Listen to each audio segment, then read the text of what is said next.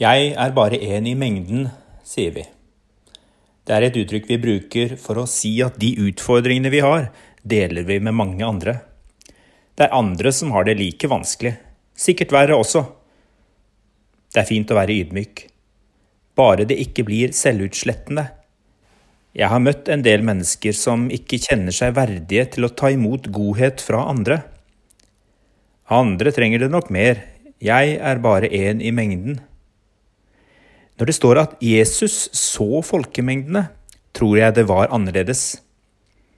Det står også at han fikk inderlig medfølelse med dem. Nå vil jeg at du et øyeblikk skal tenke deg at du er én i den folkemengden som Jesus ser på.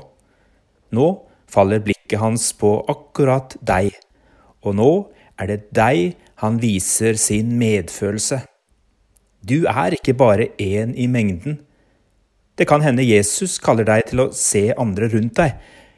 Ja, det kan til og med hende at du er en del av svaret Gud gir på bønnen Jesus oppfordrer til. Be høstens herre sende ut arbeidere for å høste inn grøden hans, sa han.